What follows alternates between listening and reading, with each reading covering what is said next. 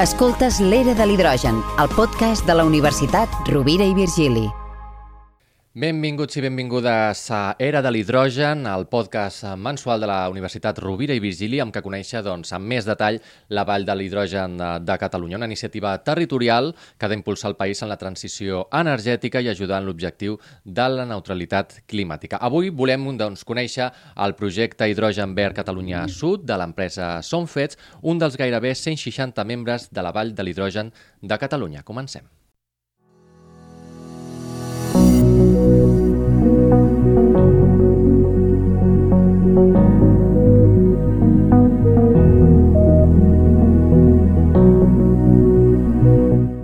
L'empresa Som Fets lidera una proposta convençuda i dirigida a revolucionar el sector energètic mitjançant l'hidrogen verd en un moment clau per les Terres de l'Ebre també amb aquest futur tancament de les centrals nuclears. Avui en volem parlar sobre aquesta aposta amb Jesús Hernández Vallverdú, doctor en enginyeria i CEO del Som Fets. Benvingut.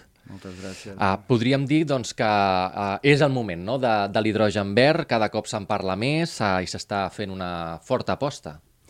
Sí, nosaltres creiem que sí, que és el moment. És el moment d'aquest canvi tecnològic i aquest canvi de, de perspectiva energètica, és a dir, el, el, el model actual es pot ser ampliat als consumidors, no només ser consumidors, sinó també productors, i, i no has de vindre només un canvi de cremar combustibles a utilitzar hidrogen, sinó canviar una mica més la societat. -huh. Si li sembla, per posar-nos en context abans que tot, com ens presentaria la seva empresa Som Fets i la seva activitat i raó de ser? Doncs l'empresa Som Fets és una empresa d'enginyeria que el que intenta és, és aconseguir aquesta transició energètica, però fer-la des d'una vessant més ètica, més participativa, que integri un model circular, i que, evidentment, no només eh, es tractarà de ficar energia renovable, que també, sinó per descarbonitzar tot el conjunt de les activitats haurem d'integrar el vector hidrogen,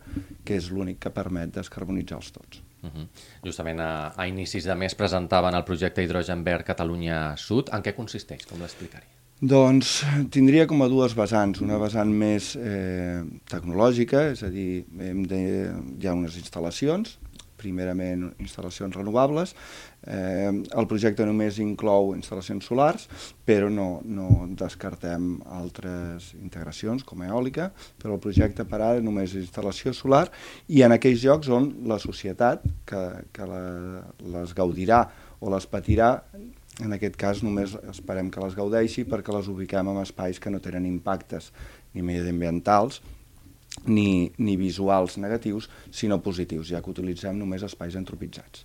Llavors, un cop tenim l'energia primària produïda, una gran part s'utilitza per consum directe, que és eh, el model més eficient, però clar, sol només en tenim de dia, llavors hem de pensar que hi ha una part de l'energia que l'hem d'emmagatzemar. Llavors aquí, si tenim la prou magnitud d'instal·lació, la suficient potència pic, som capaços d'introduir tota la cadena d'hidrogen que no deixa de ser uns electrolitzadors per produir hidrogen i un cop tenim l'hidrogen l'emmagatzemem i com a mínim ubiquem dos d'aquests usos possibles de l'hidrogen. Un és per estabilitzar la xarxa, és a dir, l'hidrogen el podem tornar a recombinar amb oxigen i fer l'electricitat a demanda dels usuaris, o eh, el que seria l'hidrogen per mobilitat en vehicles pesants, lleugers, tant terrestres com marítims. Uh -huh. Aquesta seria la part d'instal·lacions. I la part eh, de més d'integració de la ciutadania és que totes aquestes instal·lacions no siguin titularitats d'una empresa com ara la meva o d'una empresa focalitzada, sinó que siguin titularitat d'una comunitat energètica que s'establirà en cada ubicació del projecte. I aquesta comunitat pot ser molt diversa, eh, des de participació pública local o pública a nivell nacional, com empreses petites o grans d'àmbit local i tota la ciutadania. Uh -huh. Aquesta integració, aquest suport és important. En aquest sentit, quants municipis ja formen part? Eh, la idea és que el projecte el formin 15 municipis. Tindríem 12 ja confirmats i dels 3 que ens faltarien, o de l'ordre de magnitud aquest per arribar a les 15 ens en faltarien 3, i hi ha diferents opcions. Llavors encara no està concretat del tot. Uh -huh. uh, comentava la importància d'aquest sistema circular, no? de produir i de consumir. Sí, l'hidrogen en si, el funcionament de l'hidrogen és circular, perquè al final, quan això ho expliques als nens, que és molt didàctic, l'aigua és H2O, i H2O és hidrogen i oxigen. Llavors, el fet de que els separem quan volem emmagatzemar energia en forma d'hidrogen o que els tornem a juntar quan, quan necessitem aquesta energia a demanda dels clients, ja en si és un procés circular. L'aigua està separant-se i combinant-se i l'aprofitament d'aquesta aigua ve a ser superior al 95% la seva energia. Llavors, tenim tota l'afectació del canvi de model i la participació ciutadana. Llavors, en canvi, eh, eh en relació al canvi de, de, de tecnologia, doncs podem entendre que tot el que actualment es mou amb, amb combustibles fòssils, eh, des de la mobilitat a, als processos industrials, passant per l'escalfament de certes substàncies o els grans forns, s'haurà de fer eh, d'una altra manera. I les energies eh, renovables o l'electrificació serveix pel que serveix, però qui donarà la capacitat de solucionar-ho tot és l'hidrogen. Llavors penseu, tots els processos, és molt fàcil entendre els cotxes, els camions, els vaixells, els avions, perquè és una cosa que estem veient, haurà de canviar de tecnologia. Això implica que les empreses actuals es reconverteixin, i que n'apareguin moltes, perquè aquí al territori, per desgràcia, no tenim la tecnologia de, de producció de, de piles de combustible o dels elements eh, bàsics, llavors haurem de fer venir aquestes empreses i en naixeran totes les accessòries, no? de tots els components que necessitin aquestes empreses. Això vol dir, sobretot al sud de, de Catalunya, que ens trobem en processos de despoblament i que aquells llocs que no es despoblen és perquè Eh, és fàcil entendre el cas d'Escó o, o d'Hospitalet Vandellós amb les nuclears, que tenen una data de caducitat. En quan tanquin, sobretot en el cas de la Ribera d'Ebre, és una comarca que hi haurà un despoblament molt, molt greu. Llavors, hem de començar a treballar-ho ja, perquè si no d'aquí 10 anys serà, serà un problema molt greu social. Si comencem ara, amb tota l'inclusió de la nova tecnologia, i totes les empreses que hauran de generar aquest valor afegit i, i contribuir amb aquest procés de descarbonització, diguéssim que podrem estar preparats perquè si tanca les nuclears no hi hagi, no hi hagi problemes eh, socials, diguéssim. Uh -huh. Per tant, seria clau en les Terres de l'Ebre, sobretot per aquest tema de les nuclears, però també es podria dir que no pensar en hidrogen verd, en eh, noves energies renovables, deixaria aquelles empreses i municipis enrere?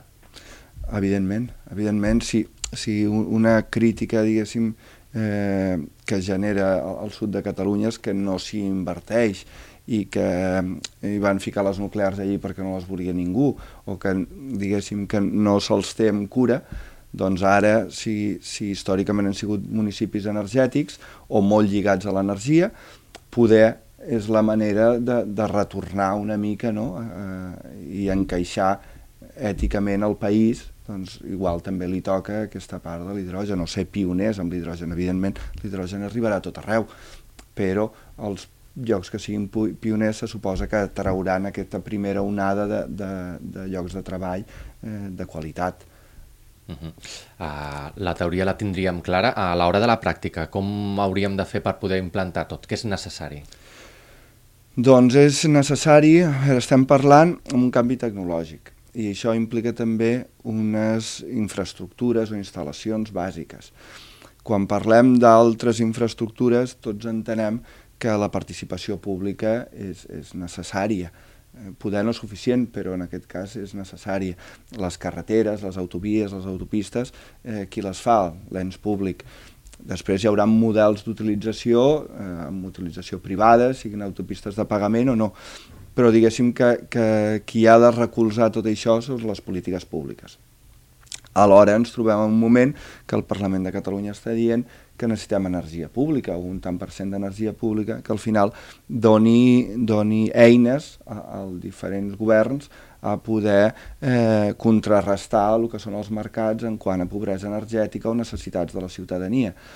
Per tant, diguéssim que el projecte neix a, a poder solucionar totes aquestes diferents, diferents eh, casuístiques per la part dels ens públics, però també per la part dels ens privats, aquelles empreses que veuen clar que el seu negoci o el seu model de, de negoci o el seu servei ve lligat a, a, a, a processos que generen molt de carboni o molt de CO2, s'han d'anar ubicant clarament en aquests, eh, aquesta descarbonització i per tant ja hi estan interessats i ja hi volen participar. Llavors hem d'anar una mica de la mà de les dues bandes. Segurament també és molt important la, la informació, no? la sensibilització, el donar-ho a conèixer. Eh, considereu que la població encara està prou entesa en aquest terreny? O... Mm, jo crec que no.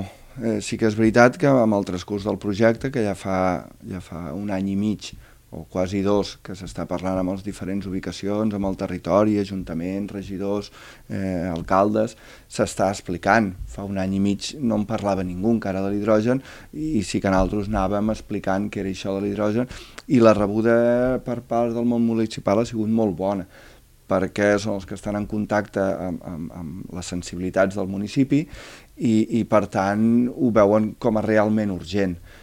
Eh, Ara se'n comença a parlar, però, però encara és molt poquet. Només, diguéssim que tenim com una frontera eh, física, però que també és, és, és, és de, de pensament als Pirineus, perquè si creues els Pirineus, eh, a mil quilòmetres d'aquí, eh, l'hidrogen és molt més conegut que, que aquí a Catalunya o a Espanya en general. És moltíssim més conegut. I no només és més conegut, sinó que com més al nord anem és una realitat tens totes aquestes infraestructures ja són una realitat, tu a títol personal pots tenir un vehicle d'hidrogen i recarregar-lo amb, amb un funcionament molt similar al, al dels combustibles fòssils, recarregues amb el mateix temps, la mateixa autonomia, però evidentment no generes CO2. En camions, en, en, en sector marítim, eh, ja s'estan fent proves en, en, en, en aviació, quan aquí tot just comencem a parlar-ne. No? Portem uns 10 anys de, de decalatge, perquè 10 anys abans sí que hi érem. Eh, la primera moto fabricada i dissenyada a Europa eh, la vam homologar eh, aquí a Catalunya i diada fa més de 10 anys i la primera embarcació presentada al Saló Nàutic també la vam fer aquí fa més de 10 anys. El que passa és que a partir de la crisi financera i el no interès eh, pels nuclis de poder ha fet que estem 10 anys que no se n'ha parlat absolutament res. Però estàvem més o menys bé fa 10 anys.